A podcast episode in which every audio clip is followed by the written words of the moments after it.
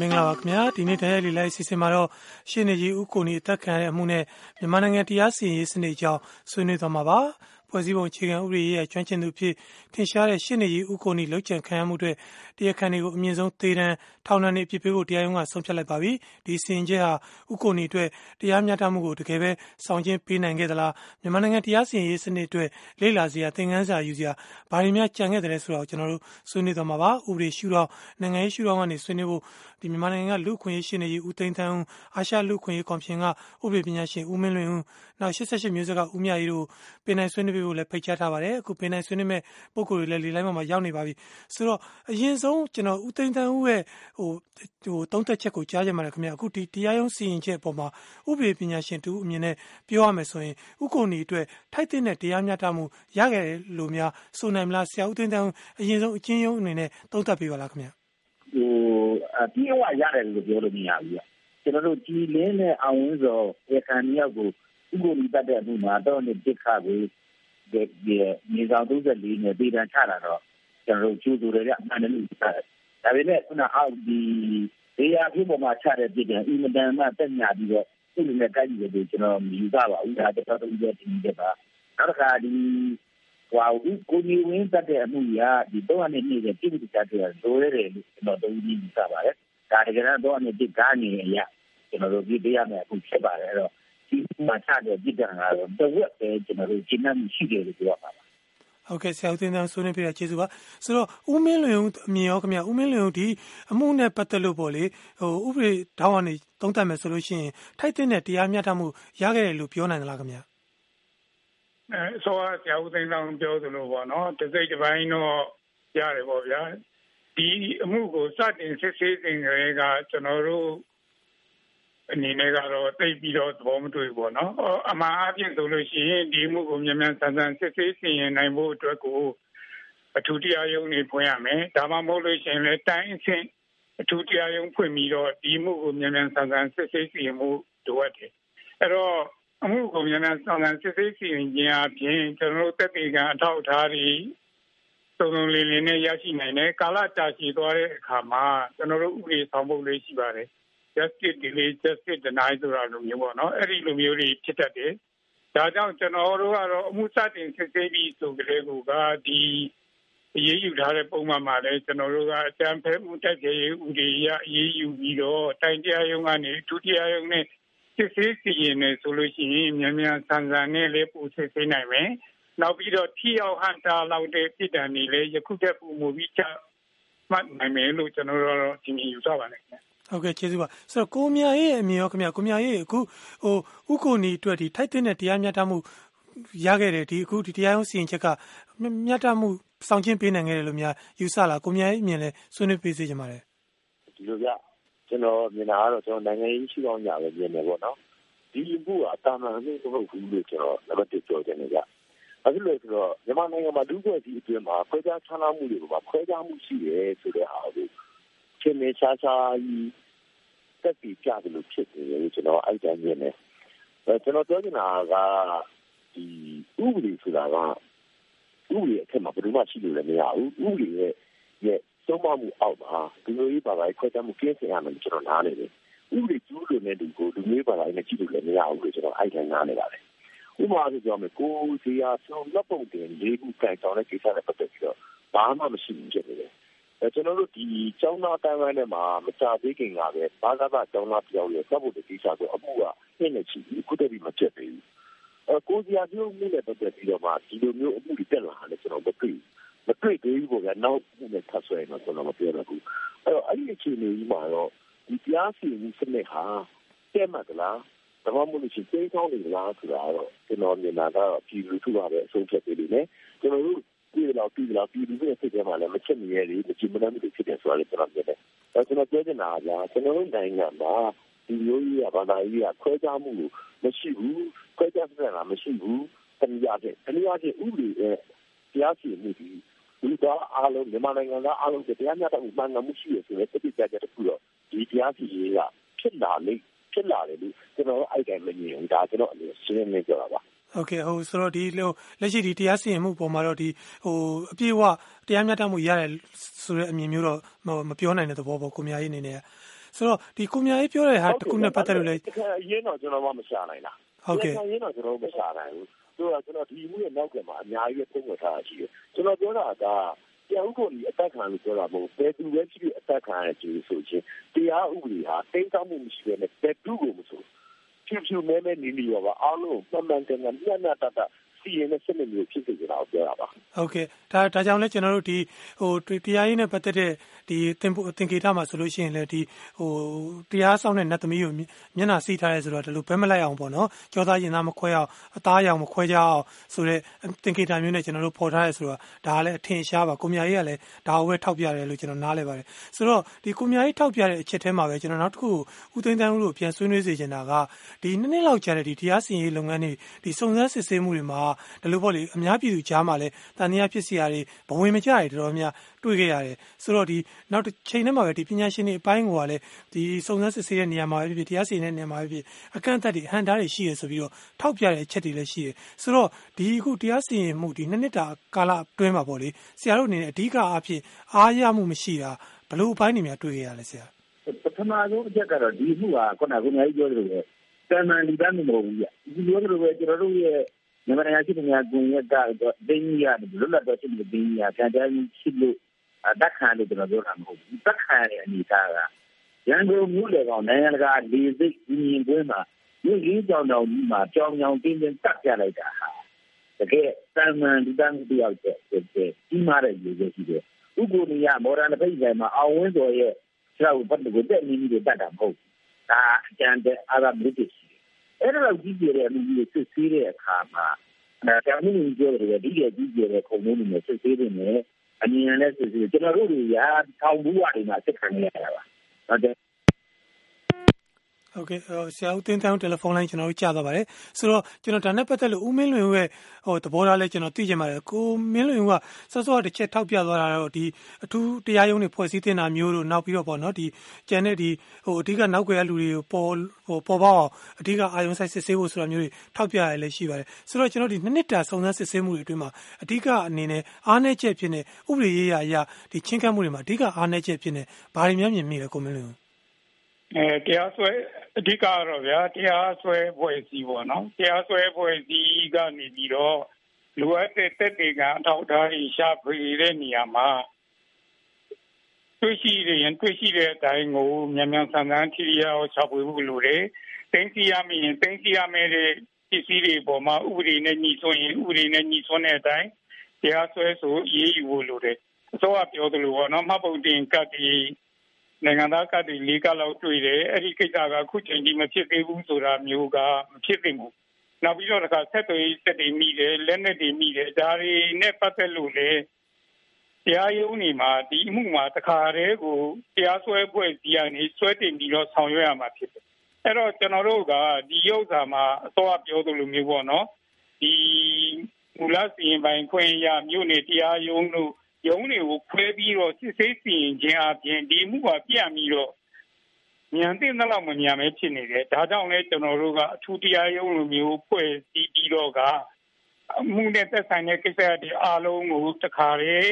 အထူးတရားရုံးမှာတင်ပြစစ်ဆေးစီရင်ဆောင်ရွက်မယ်ဆိုလို့ရှိရင်ဒီမှုကပို့ပြီးတော့လည်းရုံလုံးကြွလာနိုင်တယ်ပို့ပြီးတော့လည်းပေါ်လာနိုင်တယ်နောက်ဒီအမှုကိုစစ်ဆေးစီရင်တဲ့အခါမှာအဓိက သက်တွေထောက်ထားတွေပြုစုတာကဒီလေးပေါ့နော်မြန်မာနိုင်ငံရဲတပ်ဖွဲ့ဖြစ်တဲ့အခါကျတော့ကျွန်တော်တို့ဒီမြန်မာနိုင်ငံရဲတပ်ဖွဲ့ရဲ့ဖွဲ့စည်းပုံအရကိုကကျွန်တော်တို့မှာတမန်အများကြီးဖြစ်အဲ့တော့တရားစွဲဖွဲ့စည်းမှာအဓိကအမှုကင်းကိုတိဆောက်တဲ့မြန်မာနိုင်ငံရဲတပ်ဖွဲ့ကဒီရဲလုံထုံးလုံကြီးကိုတည်တည်ချာချာနားလေတက်ကြွတဲ့သူတွေမဟုတ်ပဲနဲ့စစ်တပ်ကအသွင်ပြောင်းရောက်လာတဲ့သူတွေ နောက်ပြီးတော့တခါဒီအမှုမှာကိုအောင်စိုးပြောလို့သာယခုလိုမျိုးအောင်ဝင်းတော်လို့အောင်ဝင်းဆိုင်လို့အောင်ဝင်းထိုးတို့ကိုဖမ်းမိတဲ့ကိစ္စမျိုးကတော်တော်ရှင်းဖို့ကောင်းတဲ့ကိစ္စမျိုးဖြစ်တယ်။အဲ့တော့လိုအပ်တဲ့သက်တွေကအထောက်အထားတွေကိုရဲစီမင်းစည်းကမ်းတွေနဲ့ညီတရားရုံးတွေတင်ပြပြီးတော့တရားစွဲဆိုဖို့အများကြီးလိုတယ်။အခုကျွန်တော်တို့ဇေယျပြုတ်ကိစ္စမှာဥပဒေရအားနည်းချက်တွေရှိတယ်ဆိုပြီးတော့ဥပဒေကိုပဲလွှဲချနေတယ်။အမှန်ကဥပဒေရဲ့အားနည်းချက် ဟိုလူတွေကပြန်ဖန်ပြီးတော့လုပ်ယူသလိုမျိုးဖြစ်နေတယ်ဆိုတာလိုမျိုးကျွန်တော်ဆိုလိုတာတော့ဒီဥပဒေကိုထိန်းချောင်းတဲ့ပုံကိုယ်တွေဘက်မှာအားနည်းချက်တွေကလည်းတော်တော်များရှိခဲ့တယ်ဆိုတဲ့သဘောပေါ့နော်ဟုတ်ပါတယ်ဟုတ်ပါတယ်ဒါကြောင့်လည်းကျွန်တော်တို့ကမြန်မာနိုင်ငံရဲတပ်ဖွဲ့ကိုပြန်လည်ပြင်ဆင်ဖွဲ့စည်းတဲ့နဲ့ဥပဒေကိုတကယ်တကြွနားလည်တဲ့မြန်မာနိုင်ငံရဲတပ်ဖွဲ့ရဲ့တတိတသားတွေနဲ့စုဖွဲ့တဲ့နဲ့အသွင်ပြောင်းတွေကိုတခါတည်း ရဲတပ်ဖွဲ့ကနေပြီးတော့ထုတ်ပေးတဲ့နဲ့ဆိုတော့ကျွန်တော်တို့ပြောတဲ့အချိန်ပေါင်းလည်းမနေတော့ပါဘူးဟုတ်ကဲ့ပါအခုလိုလို့ရှိရင်ကျွန်တော်တို့ခရိုင်ရဲမှုရဲ့အထက်အကုန်လုံးကတက်မတော်ကတွင်ပြောင်းလာတဲ့ဘုံမှုပြုတ်ဘူကြီးပြုတ်အဲဒါတွေပဲဖြစ်နေတယ်သူတို့ကရဲစီမင်းစည်းကမ်းနဲ့သက်သေထောက်ထားတွေကိုရှာဖွေဖို့ဆိုတဲ့နေရာမှာအများကြီးအားနည်းချက်ရှိတယ်ဆိုတာကိုကျွန်တော်တို့အမှုတိုင်းတော်တော်များများမှာတွေ့နေရတဲ့ သာရကတွေရှိပါတယ်ဒါကြောင့်ကျွန်တော်တို့ကလည်းတရားစွဲဖွဲ့စည်းရဲ့အားနည်းချက်တွေကြောင့်ဒီမှုမှာယခုလိုမျိုးဖြစ်တယ်ဒါတွေကိုကျွန်တော်တို့အချိန်ရှိတော့မှအမြန်ပြင်ဆင်ဖို့လိုတယ်ဆိုတာကိုကျွန်တော်တို့ပြောလို့ပါဟုတ်ကဲ့ဆိုတော့ကျွန်တော်ဒါနဲ့ပတ်သက်လို့ကိုမြရေးကိုလည်းတခုတော့ဆွေးနွေးစေချင်ပါတယ်ခင်ဗျဟိုတကယ်တော့ဥပဒေဆိုတာဆော့ဆော့ကိုမြရေးကအဓိကတော့ဒီတရားစီရင်စနစ်နဲ့ဒီတရားမျှတမှုကြောသားရင်သားမခွဲကြပဲမြတ်တရားမျှမျှတတဟိုတရားပိုင်ဝင်တရားဥပဒေကဆောက်ရှောက်တဲ့အကာအကွယ်ရယူပိုင်ခွင့်ရှိတဲ့အပိုင်းကို ဆွေးနွေးထားတာဆိုတော့ကျွန်တော်ဒါနဲ့ဆက်ဆက်ပြီးတော့ဆွေးနွေးစေချင်တာကတော့ဟိုဥပဒေဆိုတာတကယ်တော့ကျူးလွန်သူတွေကိုထိုက်တဲ့ပြစ်ဒဏ်တွေပေးတာအပြင်ပေါ့လေနောက်မှအလားတူမကျူးလွန်ရဲအောင်ဟန်တားဖို့ဆိုတဲ့ရည်ရွယ်ချက်တွေလည်းပါပါတယ်တကယ်သူအနှစ်သာရပိုင်းမှာဆိုတော့အခုမှုမှာရောဒီလိုရည်ရွယ်ချက်မျိုးတွေပြေဝခဲ့လားဘာဖြစ်လို့လဲဆိုတော့ဒီထင်ရှားတဲ့ပုံကိုတယောက်ဒီလူပုံလည်းမှာအသက်ခံရတဲ့အမှုမျိုးမှာတော့မှတရားမျှတမှုရမရဘူးဆိုတဲ့ခန်းစားချက်မျိုးတွေရှိနေတယ်ဆိုလို့ရှိရင်ဒါတွေကဒီနိုင်ငံရေးလူမှုရေးအရာရောဘယ်လိုမျိုးနောက်ဆက်တွဲတက်ရောက်မှုတွေရှိလာနိုင်တယ်လို့ ယူဆလဲကိုမြရေးဒီလိုကကျွန်တော်တို့ကကျွန်တော်တို့နိုင်ငံကိုဒီမိုကရေစီနိုင်ငံတနည်းအားဖြင့်ဒီမိုကရေစီဖက်ဒရယ်ပြည်ထောင်စုနိုင်ငံကိုဆောက်တဲ့အခါမှာနိုင်ငံအတွင်းမှာပြည်ပြင်းနေတဲ့နိုင်ငံသားအလုံးဥပဒေရဲ့အကျိုးခံစားမှုတန်းနေရသိချင်တယ်လေဆိုတော့ကျောင်းကုန်ရဲ့မှုကအများကြီးတဲ့အတိုင်းအပြည်ပြည်ဆိုင်ရာလေးစိတ်ကြီးရဲ့ပတ်သက်မှုအောက်မှာအသက်ခံရတာဖြစ်တယ်ဆိုတော့ဒါရှင်းနေအကုန်လုံးနေနေအမှုကိုစစ်ဆေးတဲ့အခါမှာတစ်နှစ်ကြာတယ် ပြီးတဲ့အခါမှာကျွန်တော်တို့ကလူပြောတစ်ခုလို့ရှိတော့ဘူးလားကျွန်တော်ပြန်လဲထောင်ထဲမှာတော်တော်များများနေတဲ့သူပါလူပြောခေါင်းကျသွားတော့ကျွန်တော်တို့မူတည်တာမဟုတ်ဘယ်လိုခေါ်မလဲကျွန်တော်ပြောစရာအကြောင်းရင်းမရှိပါဘူးဘယ်လိုမျိုးမှထောင်ကြစေချင်ကိုယ့်ရဲ့ကြံသူဝင်ဖြစ်နေတာသူတို့အားလုံးပြောလို့ရှိချင်းစိတ်ချမ်းသာမိသားစုနဲ့တက်တိုက်ဝုန်းဝန်းနေချင်တာကိုကျွန်တော်ပြင်ချင်တာပါသို့တော့တရားဥပဒေရဲ့စီရင်သုံးပါမှုဟာညတာမှုမရှိဘူးဆိုလို့ရှိရင်နိုင်ငံရဲ့အကျိုးကူးကြောင်းရပါနိုင်ငံသားအချင်းချင်းအတွင်းမှာ စိတ်ဝမ်းကြွကြမှုတွေဟာဒီမျိုးကြီးပေါ်မှာအခြေခံမယ်ဘာသာရေးပေါ်မှာအခြေခံမယ်တက်တရားတွေလည်းပြောမယ်ဟာငါးဘက်ကျတော့ဘယ်လိုလုပ်တယ်မင်းဘက်ကျတော့စက်ညာတယ်အဲ့လိုစိတ်ကြီးကျွန်တော်မဖြစ်စီခြင်းအဲ့လိုမဖြစ်စီခြင်းကြီးဆိုရင်ဖြစ်အောင်ကတော့နိုင်ငံကိုတဲ့ကံရဲ့တရားစီရင်စနစ်ကမျှတဖို့လိုတယ်ကျွန်တော်ကမှပြောတယ်ပေါ့ဗျာဥပမာအဖြစ်ကျွန်တော်ကိုကြီးအဖြစ်ပါစင်မိုးတီကိုလုံးဝမရှိဘူးတော့မှတ်ဖို့လေးခုကန်တာလေဘာကမှကျောင်းသားပြောဆိုတော့တို့လူတွေသိချင်တယ်အခုဒီအမှုမပြီးသေးဘူး အခုတည်းကမပြီးသေးဘူးနှစ်နဲ့ချီကြာနေပြီဆိုတော့အဲ့ဒါကြီးကျတော့ကြောက်သွားတယ်ဆိုတော့ကြာစိတ်သာဝမကြောက်ဘူးကြာအဲ့ဒါကြာကျွန်တော်တို့ကဘယ်လိုမှကျွန်တော်ပြောတာကပြီးတော့မှမင်းချန်တာဝင်လာလို့ပြီးပြီးနောက်ဆုံးညာလူတယောက်ကဆရာဦးကိုကြီးသုံးသွားပါပြီဆရာဦးကိုကြီးသုံးသွားတဲ့ဒီလူတယောက်ကိုဖတ်ပြီးတေတံပြီးကျိုးပေးတယ်လို့လည်းကျွန်တော်ဆရာဦးကိုကြီးပြောချင်တာပါမဟုတ်ဘူးနောက်နောက်အဲ့မဲ့ဦးလေးသုံးသွားဟာလူကိုချစ်ပြီးမဲမဲချစ်ပြီးညီညီပြပြဝါဝါအားလုံးကိုညံ့ညံ့တာတာစီးရတဲ့ နိုင်ငံဟာငါတို့နိုင်ငံပါလားဆိုကျွန်တော်ကိုယ်ကြည့်လားဒီအချင်းတော့မရောက်ခဲ့ဘူးကြအဲ့အဲ့ဒီကဘာဖြစ်လဲဆိုတော့ကျွန်တော်တို့ဒီမှာလူဖွဲ့စည်းတဲ့မြမလူဖွဲ့စည်းတဲ့မှာဘာသာရေးအရလူမျိုးရေးအရဖီလင်းတွေဖြစ်လာတယ်ဒီဖီလင်းတွေကဒီကစားမှုတွေတစ်ချက်အချင်းချင်းကြားမှာနိုင်ငံသားအချင်းချင်းကြားမှာမင်းနိုင်ငံနဲ့မတူဘူးဆိုအမြင်တွေဟာနိုင်ငံတစ်ခုစီးလုံးရင်းမှုပြီးတော့တဲ့အခက်အခဲအတားကြီးဖြစ်တယ်အဲ့ဒါကကျွန်တော်တို့အောက်ခြေအဖြစ်တင်နေရတာကို state policy ကိုပြန်ပြီးကျွန်တော်သုံးသပ်ဖို့လိုလာတာ ဒါကြောင့်မို့တရားစီရင်စနစ်ကိုပြန်သုံးသပ်ဖို့လိုတယ်လို့ကျွန်တော်တို့ပြောတာဖြစ်တယ်ဟုတ်ကဲ့ကိုမြားကြီးဆွေးနွေးရဆန္ဒမရှိဘူးကာပါရဟုတ်ကဲ့ကိုမြားကြီးဆွေးနွေးရကျေးဇူးပါဆိုတော့ကျွန်တော်တို့ဒီဆွေးနွေးပွဲအတွက်ကိုစာရေးပေးပို့ထားတာကိုယ်တိုင်ပါဝင်ဆွေးနွေးဖို့ဆက်သွယ်ထားတဲ့ပုံကိုယ်တွေလည်းရှိနေပါတယ်ဒီထက်ကကျွန်တော်တူကိုတန်းမောင်အရင်လှည့်ပေးကြပါတယ်ကိုတန်းမောင်ဆွေးနွေးကြတာရှိရင်ဆွေးနွေးမေးမြန်းလို့ရပါတယ်ခင်ဗျာဟုတ်ကဲ့ကိုဒီအမှုကစဆင်တဲ့ကောက်ကိုပြည်တဲ့ရဟို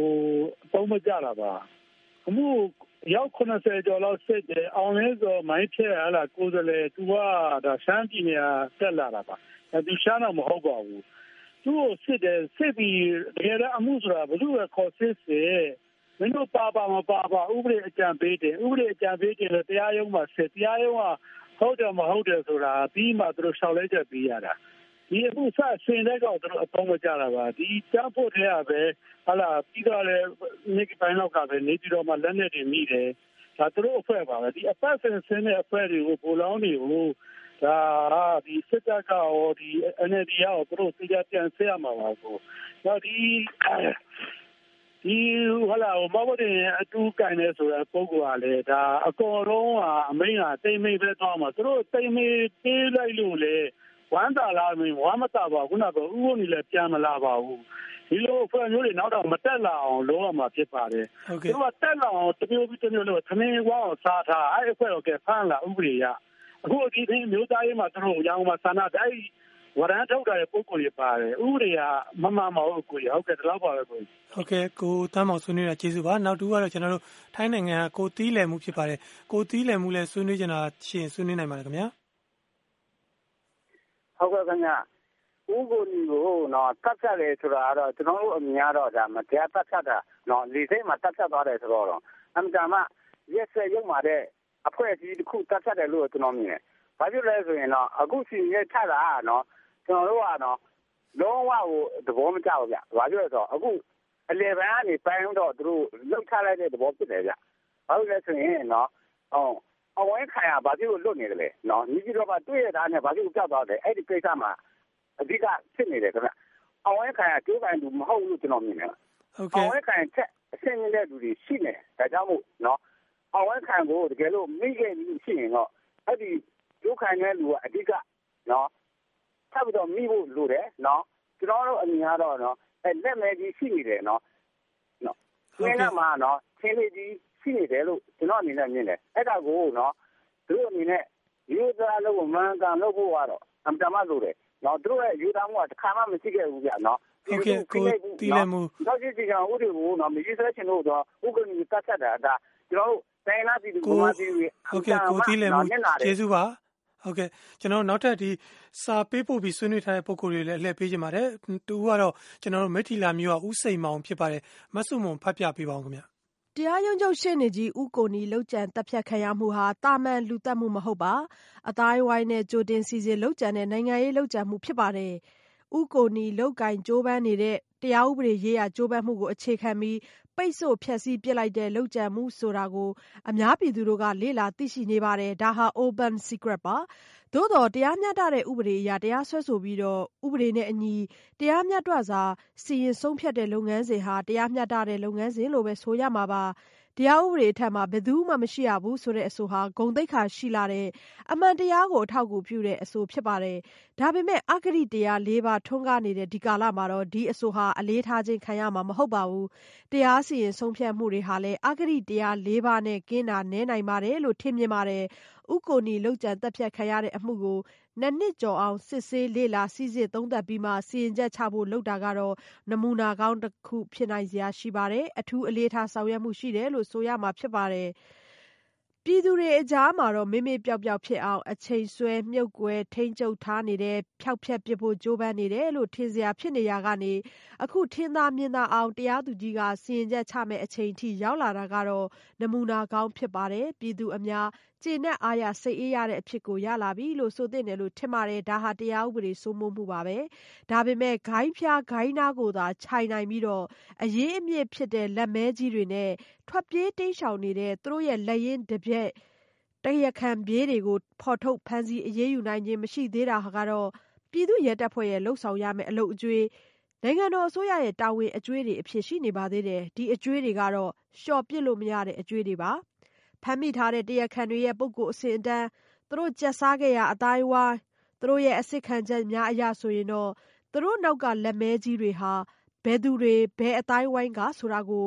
ပြည်သူများရဲ့ အသိဉာဏ်အလင်းမှာ ထင်ရှားပေါ်လွင်နေပါပြီ။သူတို့ကို ပြည်သူတွေက စက်ဆုပ်ရွံရှာ မုန်းတီးနေကြပြီဆိုတာကို သိနိုင်ကြပါပြီခင်ဗျား လို့ ရေးထားပါတယ်ရှင်။ ဟုတ်ကဲ့ဦးစိန်မောင်ရဲ့စာထဲမှာတော့ဒီဥကိုနီသက်ခံရတဲ့အမှုနဲ့ပတ်သက်လို့အကျွေးကြံနေသေးတယ်ဆိုပြီးသူကပြောပါတယ်တကယ်တော့ဥကိုနီဟာဒီအမျိုးသားဒီမိုကရေစီအဖွဲ့ချုပ်ရဲ့ဥပဒေအကြံပေးဆိုရတဲ့ဒီ2008ဖွဲ့စည်းပုံအခြေခံဥပဒေကိုပြင်ဆင်ရေးမှာဟိုစိုက်လိုက်မှတ်ကြိုးပမ်းခဲ့တဲ့သူတူဖြစ်တဲ့အတွက်ကြောင့်ဒီအသက်ခံရတဲ့အကြောင်းရင်းရဲ့နောက်ကွယ်မှာနိုင်ငံရေးပြောကတွေပါနိုင်တယ်ဆိုပြီးတော့တော်တော်ကြည်ကြဲပြန့်ပြန့်ကိုယုံကြည်ထားကြတာတွေရှိပါတယ်ဆိုတော့ဟိုဆရာဦးသိန်းတန်းဝေဒီလိုမျိုးပေါ်လေနိုင်ငံရေးပြောကမကင်းဘူးလို့တန်ရရှိတဲ့အမှုမျိုးမှာရောအခုလိုကင်မုံတွေ့ပုံနေတဲ့စာရင်ဘလို့တနည်းတစ်ပုံကင်တွယ်ဖြစ်ရှင်းမှုတင်တယ်လို့ဥပဒေကြောင်းအရမြင်ပါတယ်ဆရာအာဒါကျွန်တော်အထူးခုံရုံးတွေဖွဲ့ပြီးတော့စစ်စစ်ပုံစံစစ်ဆေးရမှာပေါ့ဗျာဒါတန်တန်လူသားမှုမဟုတ်ဘူး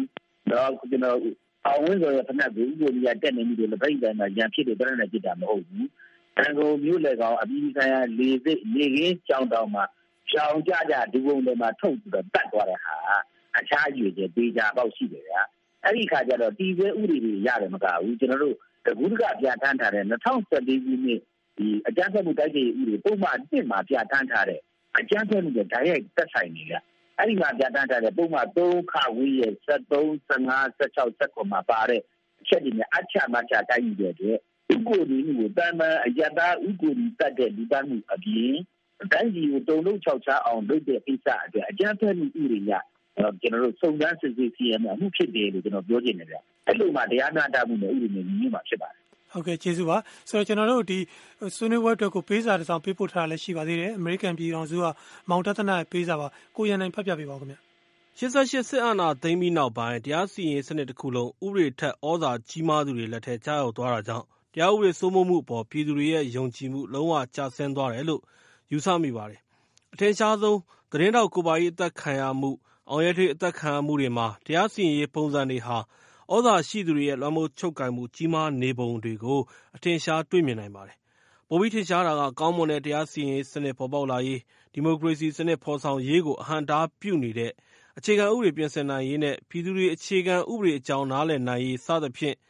ငြိမ်းချမ်းစွာ အသွင်ကူးပြောင်းနိုင်ရေးတို့ကို ကိုယ်ကျိုးမဖက် ဥပဒေရှုထောင့်တွေက ရှင်းပြသွားတဲ့ NLD ဥပဒေအကြံပေးပညာရှင် ဦးကိုနီကို ကြည်လင်းတဲ့ အပေါင်းပါတစုက ရန်ကုန် နိုင်ငံတကာလေဆိပ်ရှေ့ လူမြင်ကွင်းအလယ်မှာ အနီးကပ် လုပ်ကြံသတ်ဖြတ်မှုပါပဲ။လုပ်ကြံမှုမှာ ပါဝင်နေတဲ့ ကြည်လင်းက ထောင်ထွက်၊ပူးပေါင်းပါဝင်သူတွေက စစ်အရာရှိတွေ ဖြစ်တဲ့အပြင် ပြည်ထဲရေးဝန်ကြီးကိုယ်တိုင် လူငယ်သဘာဝတို့ ဒေါသအလျောက်ဖြစ်တာတို့ အစရှိတဲ့ မှတ်ချက်ပေးမှုဟာလည်း တရားစီရင်ရေးစနစ်ကို တစုံတရာ ထိန်းချုပ်ထားတယ်ဆိုတာ ထင်ရှားနေပါတယ်။နောက်ပြီး အမှုရဲ့ အဓိက တရားခံတဦးဖြစ်တဲ့ စစ်အရာရှိ အောင်ဝင်းခိုင်ကို အခုချိန်ထိ မဖမ်းနိုင်သေးတာဟာဒီလုပ်ကြံမှုမှာ ခြေဦးကို လုံးဝအထိမခံလိုတဲ့ ထိပ်တန်းစစ်ခေါင်းဆောင်တွေ ကိုယ်တိုင် ပတ်သက်ကောင်း ပတ်သက်နေနိုင်တယ်ဆိုတာ သံသယဖြစ်ဖွယ် မရှိနိုင်ပါဘူး။တရားစီရင်ရေးစနစ် ဘယ်လောက်အထိ ယိုင်နဲ့နေသလဲဆိုရင် အာဇာနည်ခေါင်းဆောင်ကြီးတွေကို လုပ်ကြံခံခဲ့ရတုန်းက တရားခံတွေအားလုံးကို မိအောင်ဖမ်းဆီးနိုင်ခဲ့တဲ့အပြင် အထူးခုံရုံး စတင်ဖွင့်လှစ်ခဲ့တဲ့ ၁၉၄၇ ခုနှစ် အောက်တိုဘာ ၁၂ ရက်နေ့ကနေ တရားလွှတ်တော်ချုပ်နဲ့ သမ္မတတို့ အယူခံဝင်တဲ့ ၁၉၄၈ ဧပြီ ၂၇ ရက်နေ့အထိ ၆လနဲ့၁၂ရက်ပဲချခဲ့ပါတယ်ဗျာဟုတ်ကဲ့ဒါတော့အမေရိကန်ပြည်ထောင်စုကမောင်တသနာရဲ့ပေးစာပါသူကတော့ဒီတရားစီရင်စနစ်ကရုပ်ပြဆင်းပြကြုံရတဲ့ဥပမာတွေကိုလည်းထောက်ပြသွားပါတယ်ဆိုတော့ကိုမြအေးကိုကျွန်တော်ဆွေးနွေးစေချင်ပါတယ်အခုအမှုကနေကျွန်တော်မြန်မာနိုင်ငံတရားစီရင်ရေးအတွက်ဆောင်ရန်ရှောင်ရန်ပဲဖြစ်ဖြစ်လေးလာစီရာသင်ခန်းစာယူစီရာတွေပဲဖြစ်ဖြစ်ဘာတွေများတွေးမိတယ်လို့ပြောလို့ရမှာခင်ဗျာကျွန်တော်မြင်တာကတော့ဗျာတရားစီရင်စနစ်ကပြည့်စည်ခဲ့ပါပြီပြည့်စည်ခဲ့ပါတယ်ဆိုတာပြီးခဲ့တဲ့ တမလို့ဆိုရစစ်ဆိုရလက်ချက်တစ်လျှောက်လုံးမှာလည်းအပေါ်ကနေစာရင်းလေးနဲ့ပြီးတဲ့ဟာကိုတရားသူကြီးကဖတ်ပြတဲ့စနစ်ကြီးကိုကျွန်တော်တို့ပြောလို့နေပြီ။အဲတော့ကျွန်တော်နိုင်ငံအကြီးအကျယ်မှာတရားစီရင်စနစ်ဟာတနည်းအားဖြင့်ကျွန်တော်နိုင်ငံမှာနေထိုင်တဲ့ ethnic minority တွေအပါအဝင်လူမျိုးစုတွေကိုတော့အားကိုးရတာပါ။ဥပဒေရဲ့ရှိပေါ်မှာလူတိုင်းဟာနိုင်ငံသားတိုင်းဟာတန်းတူညီမျှမှုမရှိနိုင်ဘူးဆိုလို့ရှိရင်ကျွန်တော်နိုင်ငံပြည်ညီမှုပြတ်သွားပါလိမ့်မယ်။ကျွန်တော်နိုင်ငံအတွင်းချင်းချင်းကြားမှာ ကျွန်တော်တို့နိုင်ငံဗုဒ္ဓဆာဆောင်းပြီးယူသည်မှုနဲ့အတူ